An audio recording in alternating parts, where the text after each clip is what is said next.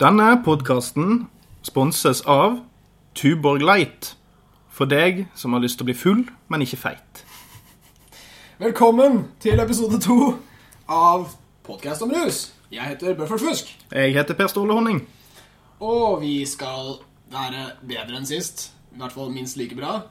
Denne gangen er vi eh, Ja, men så lenge, så lenge vi ikke har kriterier for hvor gode vi var sist, så tror jeg vi har lagt denne løypa ganske trygt. Ja. Lista er lagt. Ja. Eh, temaene for dagen det kommer til å være syntetisk cannabis. Selvsagt. Eh, vi skal også snakke om legal highs. Det gleder jeg meg til. Ja, jeg regner med at lytteren lytterne også gjør det. Ja, lytteren. det er Preben, som jeg liker å kalle han. Hannkjønn? Nei, det- nei det oh, kan, kan være en hen, Ja, hen. Eh, for alt jeg vet. hen er nok klar. nav, navnet skjemmer ingen. Eh, hen må forberede seg på en litt grundig gjennomgang av syntetisk cannabis, for det føler jeg at folk vet lite om. Har du hørt om dette før, Per Ståle? Ja, og en god huskeregel er vel det at dette her er mer kjemisk enn f.eks. kokain og lignende ting, som er, har blitt som er en slags kjemisk prosess som har blitt, som, der man utvinner sterkere og sterkere, mer potente midler fra en plante. Når det er snakk om syntetisk cannabis, så er det ikke snakk om at man har liksom syntetisert fra planten, man har heller syntetisert liksom rusmolekyler Ja. for å kunne forske på det, f.eks. Siden man har forbudsproblematikk rundt dette, denne substansen. Akkurat. Dette oppsto faktisk som et produkt hvor eh, man prøvde å finne ut hvordan hjernen eh, reagerer på cannabis, men så hadde forskerne ikke tilgang på organisk plante pga. narkoforbudet og krigen mot narkotika. Men når, når var det man begynte å fremstille syntetiske cannabinoider? For vi har jo hatt et forbud som begynte spesielt 50-60-tallet. Det var vel da forbudsbølgen begynte å komme internasjonalt. Stemmer. Det er eh, Krigen mot narkotika er skikkelig i gang på 60-tallet, og det her er visstnok, ut fra min solide research på internett, eh, fra 80-tallet, at vi får eh, forskere som prøver å lage en slags lovlig cannabismedisin, som kanskje kan hjelpe pasienter til tross for eh, at planter er forbudt. da. Ja, Så du har lyst til å altså, ha en syntetisk, lovlig eh, cannabis-ekstrakt i hermetegn, eh, mens eh, liksom den eh, plantematerialet fremdeles er forbudt? Ja. Ja, det er sånn, sånn in- interessant sånn her eh, rundkjøring rundt problemet du tar. Ja, snille forskere ikke sant, i hvit frakk som prøver å bare gjøre det beste med de redskapene de har. Når forbudet hindrer dem, så prøver de å gå rundt. Han het uh, Jon Huffmann, han fyren her. Og Huff Daddy. Huff Daddy, som eh, var en amerikansk kjemiker, og som prøvde å ja, gjøre den forskningen han egentlig var hindret å gjøre, men så lakk dette da ut i, eh, på det rekreasjonelle markedet, hvor folk bruker det bare for å ha det moro. Men hvordan, hvordan var det det skjedde? Fordi jeg regner jo med at han Huffman har publisert gjennom altså jo, I dag er det jo veldig enkelt for folk å få tilgang på offentlig sponsede eh, forskningsresultater. sant? Fordi at det skal være tilgjengelig for offentligheten. I hvert fall er det sånn i England, så vidt jeg har skjønt. Ja. Eh, men på denne tiden her så er det jo litt vanskeligere å på en måte spore opp informasjon som du må ha, så du må jo ha fått litt blest om seg hvis det skal, hvis det skal bli plukket opp av det, hermetegn kriminelle segmentet av produksjonsapparatet. Ja, det er sant. Det, var, det er litt mystisk akkurat hvordan det der skjedde. For det var øh, Det kom først ut på markedet i Tyskland med disse produktene som heter Spice K, K2, K2. Og altså ulike former for sånne bath salts som har vært populære fra USA og sånn. Men uh, vi vet ikke helt hvordan disse forhandlerne, produsentene, fikk tak i oppskriften til kjemikeren og lagd øh, lovlige versjoner av cannabis. Uh, men de har i hvert fall blitt veldig rike på det. Spice er fortsatt til salgs. og Eh, til tross for at det skaper problemer og har visstnok ført til dødsfall og sånt noe, så, så er det utbredt. Ja, fordi at skadeeffekten på dette eh, ligger jo litt i forhold til både potensen, eller hvor potent eh, selve THC-molekylet, eller de, de, de THC-triggerne som er i molekylene, men òg i forhold til at det kan være en hel del andre bieffekter som ikke er dokumentert nok. Fordi at det er ikke fremstilt av ansvarlige forskere, det er fremstilt av eller, eller i hvert fall masseproduseres, i hvert fall ikke av vennligstilte forskere, men eh, penge, folk med pengejag og interesse. Ja, ikke sant? Og, og cannabis, det organiske stoffet, eh, er jo et, en blanding av veldig mange forskjellige stoffer. Og her har du en syntetisk variant hvor de da spiller på hvordan cannabis fungerer i hjernen, og går hovedsakelig på to store cannabinoidreseptorer. Så rusmessig vil det alltid være et litt sånn kjedelig produkt. Der cannabis er rikt og komplekst eh, i organisk form, så vil den syntetiske være litt sånn ja, boring. Kan det godt være veldig potent, men en, en kondisør ville jo neppe synes dette var noe særlig. Nei, at ja, vi kan kanskje sammenligne altså Hvis du skulle rent sånn hypotetisk fremstilt uh, syntetisk kaffe, så kan vel lytteren vår mest sannsynlig tenke seg at eh, det ikke ville smakt spesielt godt. Men det er jo et ganske godt eksempel. Hvis du tar altså, Koffeinpiller da, Ja, er jo ikke så spesielt utbredt. Folk vil jo ha kaffen. De vil ha blandinga. ja, ja det, det er jo kun sprø folk, altså studenter som skal eksamenscramme, og idioter som tar altfor mye koffeinpiller. Det er et skikkelig kjedelig produkt, altså. Ja, jeg, Men eh, nei, men eh, i denne sammenheng så er det jo enda verre å, å bytte med det syntetiske, fordi vi har fra England mange rare erfaringer med hvilke skader man kan få. Det er jo ingen forskning på det ennå, selv om den begynner å komme. Og Der har de jo fått ungdom inn med slag, altså nyreproblemer, ting som ofte rammer, rammer gamle mennesker. Er dette i nyere tid, eller er dette sånn som har blitt dokumentert sånn underveis? Altså har det vært altså fra, Ja, ok, ja, det, det mest nå i det siste det har slått om seg skikkelig. Ja, og skapt en litt sånn kaotisk debatt i, i England, sånn som de ofte har med rusmidler. Men uh... Det er ikke rart med det parlamentet de har. altså. Det blir jo. Tex, Texas hver eneste gang om du skal vedta en trafikkbot eller hva enn det skal være. Og i England tror de jo at skunk er noe annet enn cannabis og sånn, så de har jo mange rare forutsetninger for debatt. Men de eh, Jo, jeg har et sitat her fra han eh, Huffmann fra Huffdaddy. Og det er han, eh, han er bekymret over at folk er så dumme at de bruker dette. Og den hadde jeg lyst til å lese opp her på lufta, fordi når han som har lagd molekylet, som folk er så jævla glad i, sier at folk er dumme som bruker det, så er jo det kanskje noe som burde stått på pakka. da. Ja. Det burde vært med. Det blir litt sånn at Steven Spielberg sier om filmen sin 1942. Det, denne filmen her er det mest ræva jeg noensinne har lagd. Hvis det hadde stått på coveret på den VHS-en, så hadde ikke jeg kastet vekk halvannen time av livet mitt på den. Det er relevant informasjon. Ja, Ja, og um, en ting det står på disse pakkene er jo ofte 'not for human consumption', for de selges som plantemat, og de selges som uh, vindusrensemidler. Uh, Ja, dette er jo for, for å omgå toll og um, politi og det ene med det andre. sant? Fordi at du Hvis du angivelig har lagd dette stoffet til et annet formål enn menneskelig eh, fortæring eller av det, så kan ikke du være juridisk ansvarlig når folk tar og inntar det. Ikke sant? Det er uh, den ganske drøye ansvarsfraskrivelsen fra produsenten burde Hvem jo kanskje legges merke til, da. Jeg har så lyst til å snakke med han advokaten som kom opp med den Kom opp med den her uh... Ja, drittsekk. Ja. Det er lov å si. Jævla drittsekk. Vi har eh, hatt en undersøkelse i Norge som heter NIVA-undersøkelsen, eller kloakkforskning, som eh, alle er glad i. Det er jo bra å få litt fokus på vann- og kloakkvesenet i ny og ne. Ja, For en innsats de gjør for samfunnet vårt. Ja, de har bidratt skikkelig her, fordi rusforskerne de er jo sosiologer og kjemikere og masse forskjellige leire. Men her har liksom kloakkfolket funnet sannheten. Det er ingen måte å komme unna det som de fant. For de har analysert eh, ja, rett og slett urin og avføring i tre norske byer, Oslo, Hamar og Bergen. Jeg tror det er fordi det er store kloakkanlegg der. Og Kloakkens triumvirat. den eh, gylne kloakktrekanten i Norge. Og det de har funnet på denne, er at eh, syntetisk cannabinoid er utbredt. Det er ganske mange spice-røykere i landet. Kanskje lytteren er en av de. Eh, Og de eh, fant der at i Hamar er da den byen av disse tre som bruker mest syntetisk cannabis, mens Oslo minst. Men hvis vi snur og ser på den organiske cannabisen, så bruker Oslo mest og Hamar minst. Og Oslo bruker faktisk halvannen gang mer enn Hamar gjør.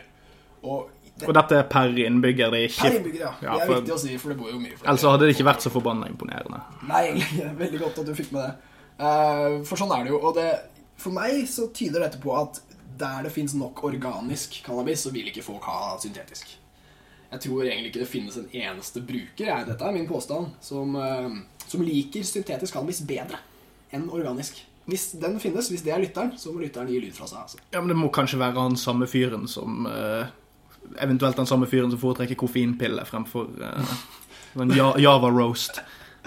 For han er god, mørk blå java, ikke sant? Ja, det, det er sånn én fyr. Sitter og popper i seg koffeinpille og røyker syntetisk cannabis. jeg vil høre fra han. Hvis det er lytteren, mail, kommentar Nakenbilde. Finn oss. Ja, MMS. Røyksignaler. Eh, det jo, I dag har vi jo da en tilstand hvor den nye, farlige hasjen er da lov. Kanskje ikke så mye nå lenger, nå driver de og prøver å forby det. Men den, den nye, farlige hasjen er lov, den gamle, velkjente hasjen er forbudt. Det er jo en, en ny situasjon.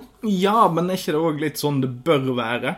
hvis vi tar utgangspunkt i lovverket. Ja, kanskje. Fordi nå er vi jo i den triste, tilst eh, altså den triste tilstanden at uh, vi ja, Hasj er ulovlig, og folk som bruker det, blir eh, straffeforfulgt etc.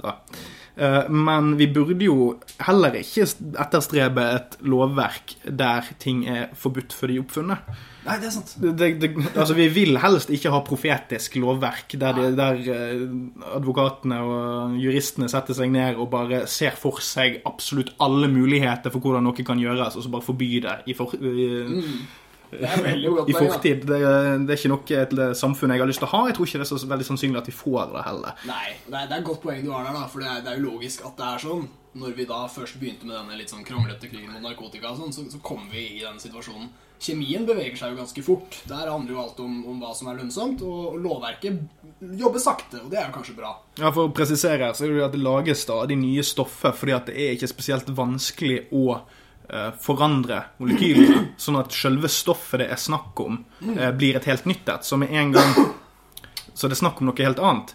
Eh, Så med en gang f.eks. et stoff som Spice eller et lignende molekyl blir forbudt eller havner på narkolisten, så er det bare for en kineser å flytte på mm, to, eh, to ting i et molekyl, og så er det et helt nytt stoff, og da kan det passere gjennom ganske mange eh, tollmurer ustoppet. Ja. Eh, Så bare sånn for å klargjøre hva vi faktisk snakker om. Sant? Det- Ja, men er Kjempebra. Det er jo en del av, av det vi kaller for legal highs. Eh, litt, litt morsomt begrep. Kanskje ikke prate litt om det. For altså, lovlige rusmidler, hvis vi skal oversette dette her. Lovlige måter å bli høy. Og dette begrepet er jo Altså, alkohol er ikke et legal high. Tobakk er ikke en legal high. Kaffe Nei. Eh, Men de er jo det. ja, men, men det de mener med legal high, denne veldig engelske kategorien, er jo disse nye eh, ting, ting som ikke er rusmidler, men du kan bli rusa på dem. Noe sånt. Ja, for da begynner du plutselig å snakke om intensjon ved bruk, og Yes. hvorvidt det ikke er spesielt eh, lovlig og, eller bra at noen inntar f.eks. Eh, en eh, plant, plantemiddel Not for human consumption. Nettopp. Så en skulle jo eh, Men er det, er det en ting som er nødvendigvis positivt? At, vi, at det er forbudt å innta noe på feil måte? Eller kan det være forbudt? Altså Kan du stoppes fra å f.eks. innta plantevernmiddel fordi at du er ikke meningen at du skal være høy på det? Bli høy på det? Nei, ikke i utgangspunktet, tror jeg. Fordi sånn vi har, altså Jeg mener jo fast og bestemt, og det regner jeg med at du òg mener, Buffett, at i Norge så har vi eh, minst tre vanlige legal highs, og det er alkohol. Ja. Det er under, eller under 60% Og vi har tobakk. Uh, og var det det? Det kaffen, da, kanskje? Ja, kaffen. Kanskje kaffen. Ja, koffeinpillen. Ja, det er de, det er de, ja, men det er de legal highene vi har, som uh, er regulerte, og de, er med et uh, straffereduksjonsformål. I hvert fall eh, kanskje ekskludere koffeinen i dette tilfellet her. Det er ikke så mye snakk rundt det. Det har vært litt regulering av Red Bull og den typen ting. Eh, men dette er jo legal highs i ordets rette forstand. Altså, det er jo Du blir høy i hermetegn av alkohol. Ja. Selv om du ikke blir høy på samme måte som av cannabis. Så er jo det en, en du, du endrer de den kjemiske sammensetningen i hjernen din når du gjør rare ting som du ikke ville gjort ellers. Absolutt. Det er lovlig, og det er regulert. Da syns jeg vi kan snakke om at det er som en legal high, men det er jo ikke det uh, forskere og uh, politikere mener når de snakker om legal high. Det er og folk ruser seg på ting som man ikke skal ruse seg på. Ikke sant? Og det, det viser jo hvor kaotisk denne kategorien er. Og jeg syns det også beviser noe annet, at um, rusmidler er jo som sagt ikke særlig godt regulert, sånn som vi er på nå, tre lovlige. Men uh, det at det står 'not for human consumption', altså stort i rødt på disse pakkene, og så tar folk likevel og tyller det i seg til den grad at det blir en slags bevegelse, i hvert fall i England og noen steder i USA, så har du på en måte grupper bygd rundt enkelte av disse substansene. Og det, det, for meg vitner det litt om hvor mye rus må bety for folk. Hvis du er villig til å krysse, rive opp denne 'ikke spis det'-pakka, og så Ja. og innta det likevel. Ja, for det er jo som han Huffman sier, altså folk må være idioter for å, for å innta dette. Sant? Altså, det, hvem er disse menneskene som, som, som bestiller pakke, spesialpakke fra Kina? Og, ja, Hasj er jo lagd for å røykes, i hvert fall. ja, altså Og dette er jo litt sånn snodig. Altså, Norge er jo det landet som har liksom gjort eh, hjemmekoking av sprit til en nasjonalsport i fortiden, i hvert fall. Og så vidt jeg husker, så kom det noen med en treliterskanne med Sats. På festen, så skilte det seg ut et segment av folk på den festen som var de som drakk sats, og så var det eliten som faktisk hadde råd til å kjøpe seg øl. Det er bra poeng. Det er ikke eliten, det her. Men på en måte er det innovatører. Det er jo de som bestiller først. Men, men jeg, De føler seg sikkert jævlig glupe. Ja, de kan hende de føler seg som en elite. Men, men jeg syns satssammenligninga er bra. jeg. For meg er dette liksom den nye satsen. Eller, eller noe sånt. En slags helt ny, men ikke så jævla bra. Jeg tror, ikke- altså, jeg tror ikke det kan være bedre enn det de kopierer. Og disse rusmidlene her er jo ofte kopier av uh, mer kjente eldre rusmidler. Som er mer effektive i tillegg, kan vi vel kanskje Altså, Ja. ikke, ikke effektiv, men du får i hvert fall en ønsket Eller man får en ønsket respons veldig kvikt, eller man liksom vet hva man har med cannabis og kokain og amfetamin, bla, bla, bla. Vet mer. Ja, sant? Man, man har en større brukergruppe, man vet mer hva man kan forvente, hvor lenge det skal vare, etc., etc. Det, kan jo godt hende at man ender opp med å finne en slags bedre MDMA. da. Bedre ditt, bedre datt. Men uh, mye av problemet ligger i at man ikke vet noe om de. Så, og, og her er det en stor jungel av uvitenhet, men det lille vi vet, det vet vi om de vi har forbudt. Eh, og det lager jo et sånn festlig paradoks i det at du ofte kan bli langt mer ødelagt av de lovlige tingene. Før så var jo regelen at er det lovlig, så er det trygt. Mange nordmenn har jo fortsatt denne holdningen til rus. Ja, jeg kan ikke få skrumplevere. Jeg drikker jo statlig sponset Tuborg. Jeg hadde jo en gang møtt en politistudent, som selvfølgelig ikke navngis, som trodde at uh, alkoholen som ble solgt på Vinmonopolet, det var jo ikke den samme alkoholen som folk brant hjemme. Den på polet var jo da tilsatt noe, sånn at den ikke var farlig. Eh, mens oh, ja. ulovlig sprit, kjempefarlig. Den kan du dø av. Mens polsprit kan du ikke dø av. For da brekker du deg før du dør, eller noe sånt. Sånn at ja, staten har fiksa det.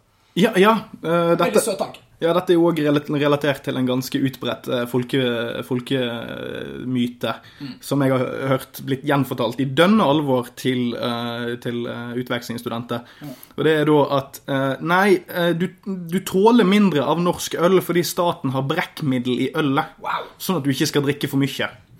En opplysning vi bare la gå. Brekkmiddelølet. Ja, som en, som en helt fantastisk unnskyldning å ha når du er 18 år og drukket fire og en halv pils, og så bare elger du ut over teppet til foreldrene til kompisen din du er på fest hos.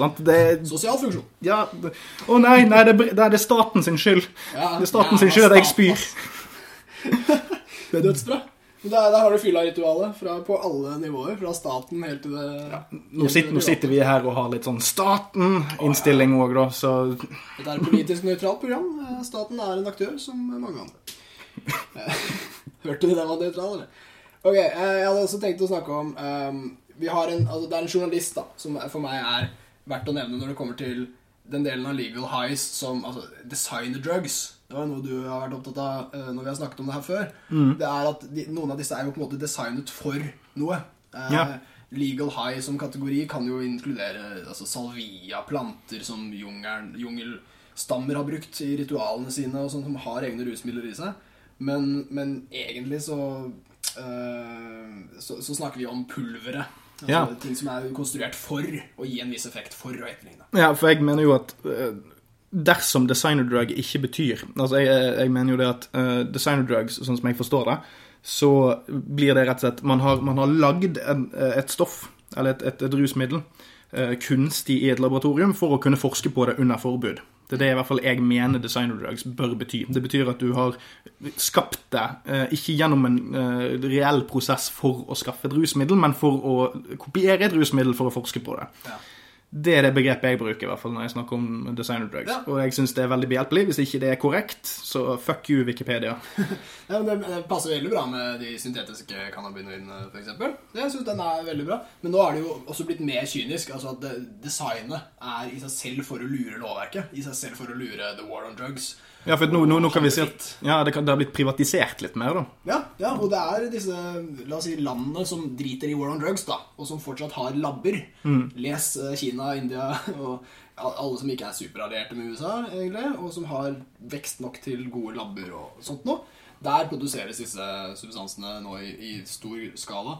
Og mitt eksempel på det var en journalist som heter Mike Power, som bortsett ved siden av har et veldig kult navn Altså, det er det, er det mest uh, naturskapte pornoartistnavnet jeg noensinne har hørt. Mike Power. Ja. Han er, uh, han er uh, forfatter av boka Drugs 2.0, 2.0, hvordan jeg skal si det, som er kjempebra. Sjekk den ut. Han har gjort det her med avisa The Guardian, hvor han har vært journalist, så har han fått laget sitt eget legal high. Han har eh, kontaktet forskere i Kina og sendt masse mail og ringt til Shanghai og satt opp en falsk postboks. Og det han endte opp med da, det var en svær pakke med hvitt pulver, et stimulant, som er lovlig. Og så fikk han også beskjed om at trolig blir det nok forbudt etter hvert. Ja, og da er det greit å påpeke det at dette stoffet hadde aldri eksistert før. Stemmer. Det Før er Mike- for han. Ja, Eksklusivt for deg, foreløpig i hvert fall. Nå må ikke lytteren få noen ideer. fordi vi prøver jo helst å si at dette er en veldig, veldig, veldig dum idé. Ja, ja, herregud. så- Ikke gjør dette, Preben. Det, det er sykt at det går an. Det er en sånn historie. Ikke alle burde gjøre det. Eh, Men Mike Power har jo gjort dette i opplysningens tjeneste, og vi aner jo ingenting om effekten av det pulveret Mike Power fikk. Hvor mye det skader hjernen. Om den lille endringen i molekylet er akkurat den som gir deg kreft. Altså, dette er Instant kreft. Instant-kreft, den aller verste.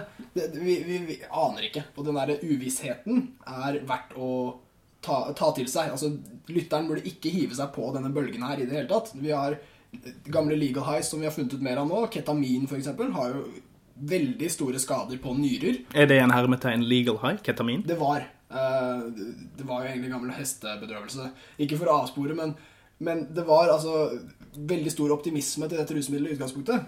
Og så fant man ut at det skader nyra enormt mye. Så nå har vi jo ketaminbrukere som er under 30 år, men som pisser i buksa hver eneste natt når de skal sove, og som, som har nyreproblemer de må leve med resten av livet. Og disse tingene er grunn nok til å holde seg unna. Ja. At disse optimistene fucka livet sitt, gjør at du ikke burde være en optimist. Kjære lytter. Det er Ikke vær så jævla pessimistisk heller, men altså eh, Det er en komplisert verden der ute, og de tradisjonelle rusmidlene er eh, langt mer velkjente enn denne jungelen. Selv kjemikere innrømmer at det er uoversiktlig, og de har bedre oversikt enn meg og trolig. Ja, Vi har jo allerede vært inne på skremselspropaganda et par ganger i forrige podkast, men sjøl vi må jo innrømme at du bør heller høre på profesjonelle forskere enn han kineseren du eh, e-mailer med fra en eller annen eh, weird eh, nettside som selger deg eh, Special Mamba Juice. Ja, ikke sant? Det er, det er Ikke stol på han. Det er grunn til varsomhet. Noe av det som har forundra meg mest, er jo hvordan, måten, altså hvordan folk bruker rusmidler. Måten de gjør det på. Og eh, at, at folk er så villige til, å- til å prøve. Det fascinerer meg. Jeg ser det på internett gang på gang. Så det, kommer en eller annen fyr og sier 'jeg har et nytt molekyl', veit ingenting om det, hvem vil ha? Og så hiver folk seg på i huet og ræva bare 'jeg kan prøve det, jeg kan spise masse', og så kan jeg skrive en rapport etterpå. Og at disse folk er så villige til å være prøvekaniner Ja, det med sine hjerner og kropper, det er fascinerende. ass. Og veldig skadelig. Veldig farlig. Ja, for at eh, jeg er jo for så vidt en av de som aldri helt kommer til å skjønne meg på disse karene som kaster seg ut fra fjellvegger med bare en sånn tøyfille til å holde seg i luften med. Ja, vi er litt der, ja. Ja, eh, men der kan du i hvert fall anslå med rimelig grei sikkerhet hva som skal til for at du ikke skal dø. Og det er å opprettholde en fart som er litt under dødelig. Ja, ja. Men når du får en pose med hvitt pulver i posten som gudene vet hvor kommer fra, så det, det er liksom den enda mer Crazy Town-varianten av det å kaste seg utfor en fjellhylle med en liten tøyfille på kroppen. Fordi at du her har du ikke noe anslag engang. Du har ikke anslag om liksom en, tre korn er nok, eller om du er nødt til å kyle i deg en halv kilo. Og, og du vet ikke hva de har blandet det med. Altså, altså, det kan jo hende at selve rusbiten, altså det som faktisk gir deg effekt, har blitt spedd ut med hva enn annet der òg. Du har jo ingen garanti for at disse snille kjemikerne i Kina ikke har kuttet Ja. eh, rusmiddelet ditt med et eller annet dritt òg. Så det, selv om du får en legal high som ikke kan stoppe, så kan jo det òg være masse crap i. Nei, ikke sant? Både, både i den reelle effekten til molekylet og i liksom hva enn som har vært blandet i det. Man har jo ingen garanti i det hele tatt. Du kan ikke liksom sende klagebrev til Kina fordi det var rottegift i denne THC-molekylet ditt. Nei, og Vi har hatt en, eh, en forferdelig episode før hvor det var en eh, fyr som drev en sånn research chemical bank i Danmark, som døde fordi han fikk feil merking fra sin kinesiske leverandør. Han fikk uh, feilmerka molekyl, så han tok jo da noe som het Bromo Dragonfly, som er jævlig dårlig. Det han trodde var 2CB-fly. 2CB er ikke dødelig i det hele tatt. Bromo er veldig. Så, så det skjer, og, og de er ikke tilliten verdig, rett og slett. Og hvitt pulver er i seg selv ikke tilliten verdig. Det er det samme som å ha I flytende form er det tilsvarende til blank, helt blank og luktfri. Du kan ikke si hva faen det er. Ikke vær som politimannen på amerikanske serier som tar noen i tollen, og så stikker han tommelen ned i pulveret og smaker på det. Og bare, yep, that's coke. I så fall hadde han vært rusa på jobb. Korrupt er det. For å sitere Robert De Niro i den ellers ganske bedritne filmen Showtime med Eddie Murphy. Der er det en fyr som eh, gjør akkurat det du sier. Tar kniven inn i en eh, kokainpose og sånn ah, det er kokain. Og så sier Robert De Niro hvordan vet du at det ikke er den? Nei, nei, nice. Hvordan visste du det før du smakte på det? Hvorfor Akkurat. smakte du på det? Er du idiot? Akkurat fordi hvitt pulver, seriously, eller melis, altså, det tar uskyldige former, det tar veldig giftige former. Og som norsk ruskultur ofte er glad i å nevne, at det, det som er lovlig er tryggere. Her kommer mitt lille visdomsord for dagen. Det er ikke trygt fordi det er lovlig, men det er heller ikke farlig fordi det er ulovlig. Det er et visdomsord som etterlater deg forvirret og, og usikker. Er det derfor du er fornøyd med det? Ja, Fordi du var forvirret og usikker etter at du kom på det? Jeg gliser litt av det. Å, sjølfornøyd Buffert. Verste Buffert. Ah, den, den riktig forvirrede. Altså den gode forvirringen. Den derre 'Å, jeg, jeg er ikke mektig nok. Jeg kan ikke avgjøre dette sjøl'. Deilig. Flott. Men, men det interessante er at vi, vi har jo ikke det samme forholdet til eh, ting som ikke er ment til å inntas i Norge. Altså vi, vi regner jo ikke med at absolutt alt vi har i huset som vi har fått kjøpt på butikken, er rent og fint. Og som vi kan bare Jeg lukter ikke på klorin jeg bruker. Sant? jeg, jeg sniffer ikke det og drikker det ikke for, bare fordi at jeg får kjøpt det i butikken. Vi burde, ha- og det er jo heller ingen som syns det er anbefalt Altså det er riktig å anbefale deg å styrte en flaske med 60 kjøpt fra polet. Jeg er litt, for å være helt litt sånn oppgitt over folk som bare lever vicariously, eller hvordan enn man skal beskrive det. Det er en sånn eh, innstilling til livet om at så lenge jeg har tilgang på det, så er jeg udødelig. Det er denne, å Jeg trenger ikke bekymre meg over hvor mye øl jeg har drukket, eller hvor mye sprit jeg har drukket. Har du en pille? Ja, det tar jeg. Det, jeg tror ikke det er så bevisst som det kan høres ut. Det er noen som kanskje gjør det fordi at de er sjøldestruktive, altså med vilje og har lyst til å skade seg sjøl eller ikke har det godt. Men det er òg en hel haug med folk som jeg bare ikke tror har et reflektert forhold til egentlig noe. Nei, sant? Det er alltid en gjeng med assholes som ødelegger for andre. Det er en sånn livsregel jeg lever etter. Det er det, altså. Jeg, jeg, jeg har lyst til å si- noe som han egentlig sa, han eh, Petter Baarli på trygdekontoret her om dagen. Han eh, gitaristen for Jokke. Han sa det at altså, Han snakka om både dop og om litt sånn datamusikk. Lage la roboter lage musikk. Han sa det at altså, hvis vi bruker det som et verktøy, sånn litt på sida, litt sånn referanse, da kan det være jævla nyttig. Men ikke la det bli mer enn et verktøy. Dette er, dette er smarte greier, altså. Hvis du kan bruke rusmidler som et verktøy som gjør livet ditt bedre, på lang sikt også bedre, så, så er det ikke noe særlig i veien for det. Men det er jo vanskelig. Det er jo en utfordring. Det krever sin mann, sin, eh, sin rocker. Ja, eh, for så vidt. Men eh, jeg vil jo òg si at det, altså bare, det, bare verktøybiten fungerer greit for meg. Altså Jeg skjønner veldig godt at en hammer er veldig veldig god til spiker, men det å skjære en brødskive med det, funker ikke. sant? Her må det andre verktøy til. Ja, nettopp. Det hjelper ikke å stå og slå på den loffen. altså det... Ja, og det er, eh, det er fint å ha mange verktøy i kassa si. Det tror jeg også. Uten å slå et slag for blandingsmisbruket. Så slår jeg gjerne et slag for blandingsbruket. Det er bare mye, mye vanskeligere. Um, så der har du det, kjære lytter. La aldri rusmidler bli noe annet enn et verktøy i livet. Det var, det var fint.